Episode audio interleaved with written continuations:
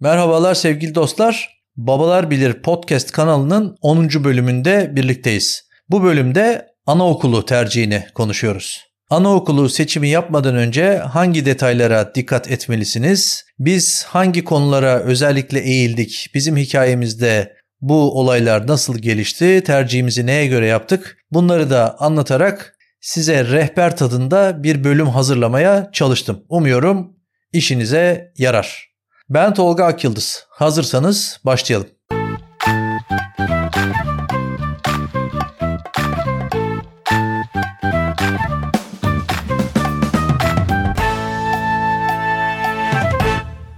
Evet sevgili anneler babalar çocuğu doğurdunuz efendim yedirdiniz içirdiniz altını bezlediniz pışpışladınız uyuttunuz emzirdiniz derken bir bakmışsınız konuşmaya başlamış bir bakmışsınız yürümeye başlamış ve artık sizden daha fazla şey talep eder hale gelmiş. Her ne kadar kendi tabii ki yaşam temponuzun el verdiği kadarıyla çok vakit ayırmak isteseniz de ve hatta bütün vaktinizi ona ayırsanız bile çocuklara bir süre sonra yetemez hale geliyoruz arkadaşlar biz büyükler olarak bu bir gerçek. Çocuk dediğiniz ne istiyor biliyor musunuz en çok? Çocuk çocuk istiyor. Yani kendi akranlarıyla oyun oynamak istiyor, efendim sosyalleşmek istiyor. Şimdi günümüz kent yaşantısını düşündüğünüzde öyle eskisi gibi çocuklar sokaklarda rahat rahat oynayamıyorlar. Mahalle kültürü maalesef ortadan kalktı. Güvenli bir şekilde çocuklarımızı sokağa bırakamıyoruz. Maalesef o imkandan mahrum kaldılar. Yani çocuk sosyalleşemiyor ve çocuk güvenli bir şekilde sokakta oyun oynayamıyor. Bu durumda ne yapıyoruz arkadaşlar? Bu ortamı çocuğumuz için satın alıyoruz. Yani parasını verip bir anaokuluna gönderiyoruz özetle. Şimdi diyeceksiniz ki tamam Tolga göndermesine gönderelim de hangisine gönderelim? Kafamız karıştı. Bin bir tane seçenek var. Herkes farklı bir yorum yapıyor. Efendim ucuzu var, pahalısı var, uzakta olanı var, yakında olanı var. Efendim yok Montessori'si var, Waldorf'u var derken bin bir türlü değişken içerisinde kafamız karıştı ne yapacağımızı bilmiyoruz diyorsanız arkadaşlar işte tam da bu noktada Babalar Bilir podcast kanalı sizin yardımınıza koşuyor ve çok işinize yarayacak 5 maddede çok pratik bir şekilde hazırlanmış bir rehberi size sunuyor. Evet sevgili anneler babalar anaokulu tercih rehberinin birinci ve en önem gösterilmesi gereken maddesi bence deprem güvenliği. Biz İstanbul'da yaşıyoruz. Siz de İstanbul'da yaşıyorsanız işte ha bugün ha yarın olacak denen İstanbul depreminin kapıda olduğunu düşünerek çocuğunuzu göndereceğiniz anaokulunu buna göre seçmelisiniz. Yani neden bahsediyorum? Öncelikle eski binaların böyle giriş katında, alt katında, bodrum katında falan olan anaokullarını bence tercih etmemelisiniz. Anaokulu binası mutlaka müstakil olmalı. Yani işte en fazla iki katlı yine deprem sonrasında yani 99 depremi sonrasında yapılmış olması da önemli ama o kadar da eskiye gitmeden böyle işte 5-10 yaşında bir müstakil bina içerisinde hizmet veren bir anaokulu nispeten diğerlerine göre daha güvenli olacaktır. Tabi sadece müstakil olması da yetmiyor. Sağında, solunda, önünde, arkasında herhangi bir deprem durumunda Allah korusun üzerine yıkılma ihtimali olan falan böyle eski binaların da olmaması gerekiyor.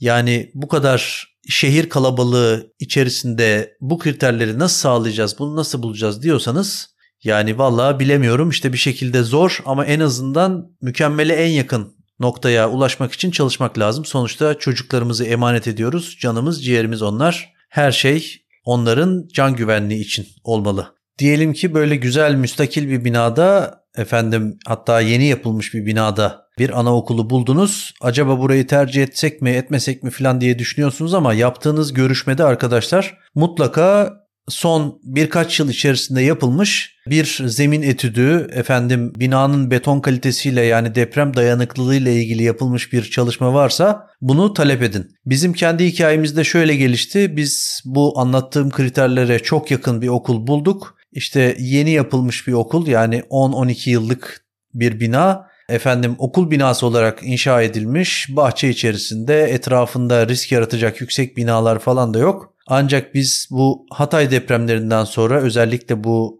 yeni yapılmış binalar bile çatır çatır yıkıldıktan sonra bunları gördükten sonra anaokulundan güncel bir etüt yapılmasını istedik. Onlar da bir üniversiteye başvurdular. Böyle bu süreçlerde biraz uzun sürüyor birkaç ay. Ama o etütleri de yaptırdılar. Biz binanın güvenli olduğundan böylece daha da fazla emin olmuş olduk. İçimiz rahat etti. Tekrarlıyorum arkadaşlar. Anaokulu seçiminde en en en en en çok dikkat etmeniz gereken şey binanın deprem güvenliği olsun.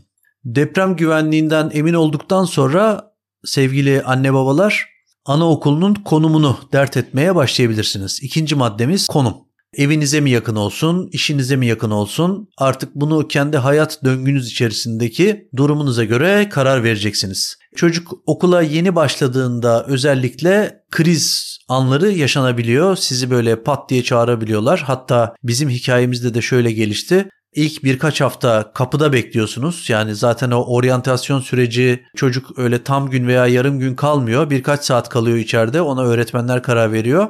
Siz kapıda bekliyorsunuz. Çocuk sizi görmek isterse işte bir görüyorsunuz, bir hoşbeş ediyorsunuz falan sonra tekrardan devam ediyor. Ama burada tabii ki konum şu açıdan önemli. Acil bir durumda yani sadece alışma dönemi değil, acil bir durum, Allah korusun bir afet, bir ne bileyim yaralanma, şu bu durumunda hızlıca aileden birilerinin ulaşabileceği bir noktada olması gerçekten çok önemli. Bu anlamda sizin hayat temponuz nasıl el veriyorsa evdeyseniz evinize yakın, efendim işteyseniz ofise gidiyorsanız belki işinize yakın bir anaokulunu tercih etmeniz gerekebilir. Bizim anaokuluna başladığımız dönemde Demir öncesinde yani anaokuluna başlamadan önce bazı oyun gruplarına vesaire gittiği için o ayrılma sıkıntısını biz hiç yaşamamıştık. Böyle hemen de havalara girdik. Bak çocuk ne güzel bizim oğlan alıştı. Arkasına bakmadan gidiyor herif. Ama öğretmenler dediler ki öyle hemen havalara girmeyin. Böyle birkaç hafta sonra bu konuda kriz yaşanabilir. O yüzden sizi çağırabiliriz. Okuldan çok uzaklaşmayın dediler. Biz zaten oturduğumuz yer itibariyle uzakta bir okul seçmek durumunda olduğumuz için yani oturduğumuz yerde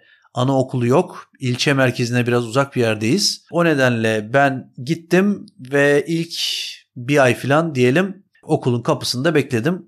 Sonrasında da benim iş tempom buna uygun olduğu için, müsaade ettiği için Demir'i bıraktım. Yani okulun kapısında beklemedim ama okul bitene kadar yakınlarda bir yerlerde vakit geçirmeye çalıştım. Birkaç kez böyle işte bezi bırakmamıştı o dönem. İşte bezini okulda değiştirtmek istemedi. O bir kriz yarattı. Beni çağırdılar. İşte bezini değiştirdim. Onun dışında da çok da fazla bir problem yaşamadık. Belki öyle bir defa falan yaşamışızdır. Çok da net hatırlamıyorum ama acil durumlar için anaokulunun konumu hızlı ulaşılabilecek bir noktada olması gerçekten önemli bir detay.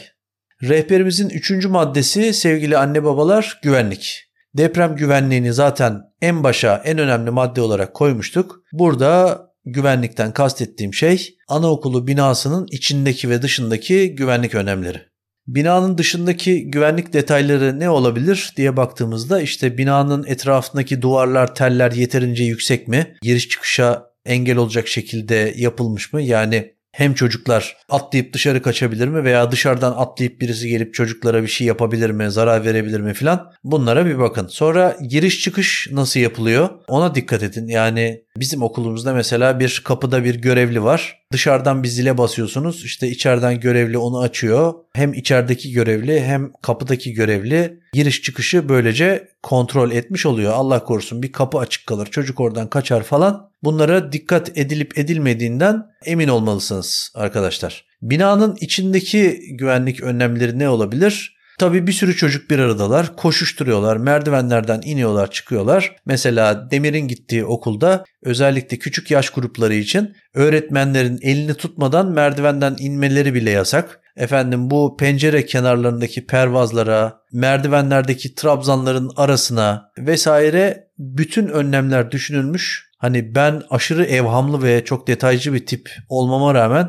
ben bile bir açık bulamamıştım. Yani çocukların böyle düşeceği, efendim kafasını gözünü patlatacağı vesaire her türlü ihtimal düşünülerek bütün önlemler alınmıştı. Siz de bu detaylara dikkat edin. Binanın her yerini gezmek isteyin. Efendim yatakhanesi, yemekhanesi, mutfağı, sınıfları, merdivenleri zaten sizi gezdireceklerdir ama mutlaka bu detayları da böyle bakarak gezerseniz önemli bir iş yapmış olursunuz ve bu güvenlik konularıyla ilgili de aklınızda bir soru işareti kalmaz. Dördüncü maddemize geçiyorum sevgili anne babalar. Bu maddede eğitim sistemini ve ücretleri değerlendirelim ve bu konuyla ilgili hangi detaylara dikkat etmeniz gerekir onları aktarmaya çalışayım. Şimdi çokça duyuyorsunuzdur eğitim sistemleri var. İşte burası Montessori Anaokulu, burası Waldorf sistemiyle eğitim yapan bir anaokulu falan diye böyle detayları anlatıyorlar. Eğer bunları bilmiyorsanız bu eğitim metotlarını görüşmelere gitmeden önce mutlaka internetten şöyle kısa bir araştırmayla bilgi sahibi olmalısınız. Gittiğinizde çünkü bazı böyle kilit sorular sorabilirsiniz. Çünkü bu eğitim sistemleri biraz böyle pazarlama materyali olarak kullanılıyor. Burası Montessori anaokulu deniyor ama belki de içeride Montessori yaklaşımından eser yok. Onu bilemezsiniz. Tabii ki sadece görüşmede de bunu bilemezsiniz ama en azından bilgi sahibi olursanız bu yöntemlerle ilgili gittiğinizde sorarsınız. Gerçekten orada bu konuyla ilgili bir tecrübe, bir yetkinlik durumu var mı yok mu gözlemlemiş olursunuz.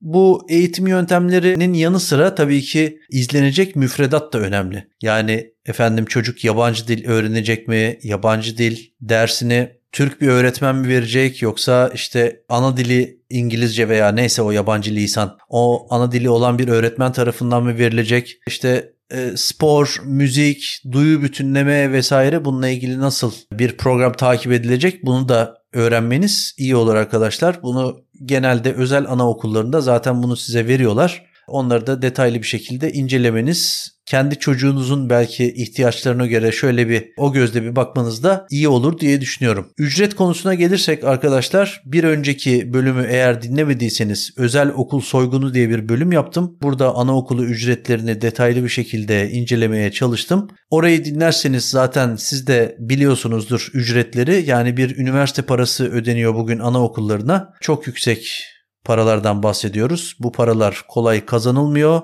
ağır bir ekonomik buhran içerisindeyiz. Bu paralar kolay ödenmiyor. O nedenle eğer böyle çok büyük okullara falan yönelmediyseniz yani küçük işletmelere yöneldiyseniz böyle tek veya bir şubesi daha olan en fazla bir yere yöneldiyseniz bunlarla sıkı bir şekilde pazarlık etmenizi öneririm. O ücret konusunda da belki kendinize bazı avantajlar sağlayabilirsiniz. Efendim rehberimizin 5. ve son maddesi kadro. Anaokulu kadrosundan bahsediyorum elbette. Özellikle küçük bir anaokuluna görüşmeye gittiyseniz veya çocuğunuzu buraya göndermeyi düşünüyorsanız tek anaokulu olan bir küçük işletme ise okulun sahibiyle mutlaka tanışmanızı öneririm arkadaşlar. Belki okulun sahibi bizzat işin içinde olmayabilir okulun yönetimini bir müdüre veya diğer öğretmenlere vesaire bırakmış olabilir ama yaklaşımı görmek adına mutlaka okulun sahibiyle de tanışmak isteyin. Bizim görüşmemizde biz okul sahibi bir hanımefendiyle tanışmıştık. Orada zaten kendisinin en az bizim kadar titiz bir insan olduğunu gördükten sonra içimiz son derece rahat etmişti. Sonrasında yine tabii okulun müdürü, öğretmenleri vesaire bunlarla da tanıştık. Ve hatta okulda işte bir mutlaka bir aşçı vardır, Efendim bir bekçisi vardır, bir görevlisi vardır filan. Bunlarla ilgili de mutlaka araştırma yapın arkadaşlar. Kaç senedir orada çalışıyorlar. İşte o anaokulu içerisinde sizi mutlaka gezdirecekler. Böyle bir gözlemlemeye çalışın filan. Sonuçta çocuğunuzu emanet edeceksiniz. Herkesin mümkün olduğunca sizin kadar en azından hassasiyetle, titizlikle çocuklara yaklaştığından emin olmalısınız. Öğretmenler konusunda da arkadaşlar mesela Çocuğunuzun öğretmeninin kim olacağını mutlaka sorun, tanışmak isteyin. Aynı zamanda onunla ilgili de bilgi alın. Kaç senedir orada çalışıyor, ne bileyim hangi okullardan mezun. Aslına bakarsanız yani diplomalarını bile sormanız sizin hakkınız. Çünkü sonuçta siz buranın müşterisi olacaksınız ve bütün detayları isteyebilirsiniz, sorabilirsiniz. Bunda herhangi bir olumsuz bir durum yok. Bizim hikayemizde anaokulunun kadrosu bizi hakikaten çok hem tatmin etti hem rahatlattı. Demir de aynı zamanda onları çok sevdiği için bu ayrılma süreci vesaire gayet problemsiz geçti. Çok ilgili bir öğretmeni vardı. Hakikaten şimdi okulun adını vermeyeyim ama öğretmenin adı Seda'ydı. Seda öğretmeninden çok memnundu. Orada sadece okulda değil okul dışında da çok ilgili davrandılar. Yani ilk baştaki oryantasyon süreci Böyle bir iki hafta sürüyor falan. Sonrasında da mutlaka her gün aradılar. İşte okulda Demir'in neler yaptığını anlattılar. Bir problem olduysa onu aktardılar. Evde siz de şöyle şöyle davranın falan diye yönlendirmede bulundular. Biz o açıdan gerçekten anaokulumuzun kadrosundan çok memnunduk. Bu sene de tekrardan oraya zaten göndermeyi düşünüyoruz. Okulun kadrosunu da arkadaşlar böyle didik didik edin, herkesle tanışmak isteyin ve çocuklarınızı emanet edeceğiniz kişilerin hem güvenilir hem de yetkin kişiler olduğundan emin olun. Evet sevgili dostlar bir bölümün daha sonuna geldik. Bu bölümde 5 maddeden oluşan anaokulu tercih rehberini dinlediniz. Umuyorum işlerinizi kolaylaştıracak, bir miktar kaygılarınızı giderecek bir kayıt olmuştur. Babalar Bilir podcast kanalının bölümlerini dinlemekten hoşlanıyorsanız lütfen takip etmeyi ve arkadaşlarınızla paylaşmayı unutmayın. Aynı zamanda Instagram'da Babalar Bilir birleşik yazıyorsunuz. Hesabını takip ederek bana oradan görüş ve önerilerinizi göndermeyi de ihmal etmeyin diyorum. Kendinize çok iyi bakın. Bir sonraki bölümde görüşmek üzere.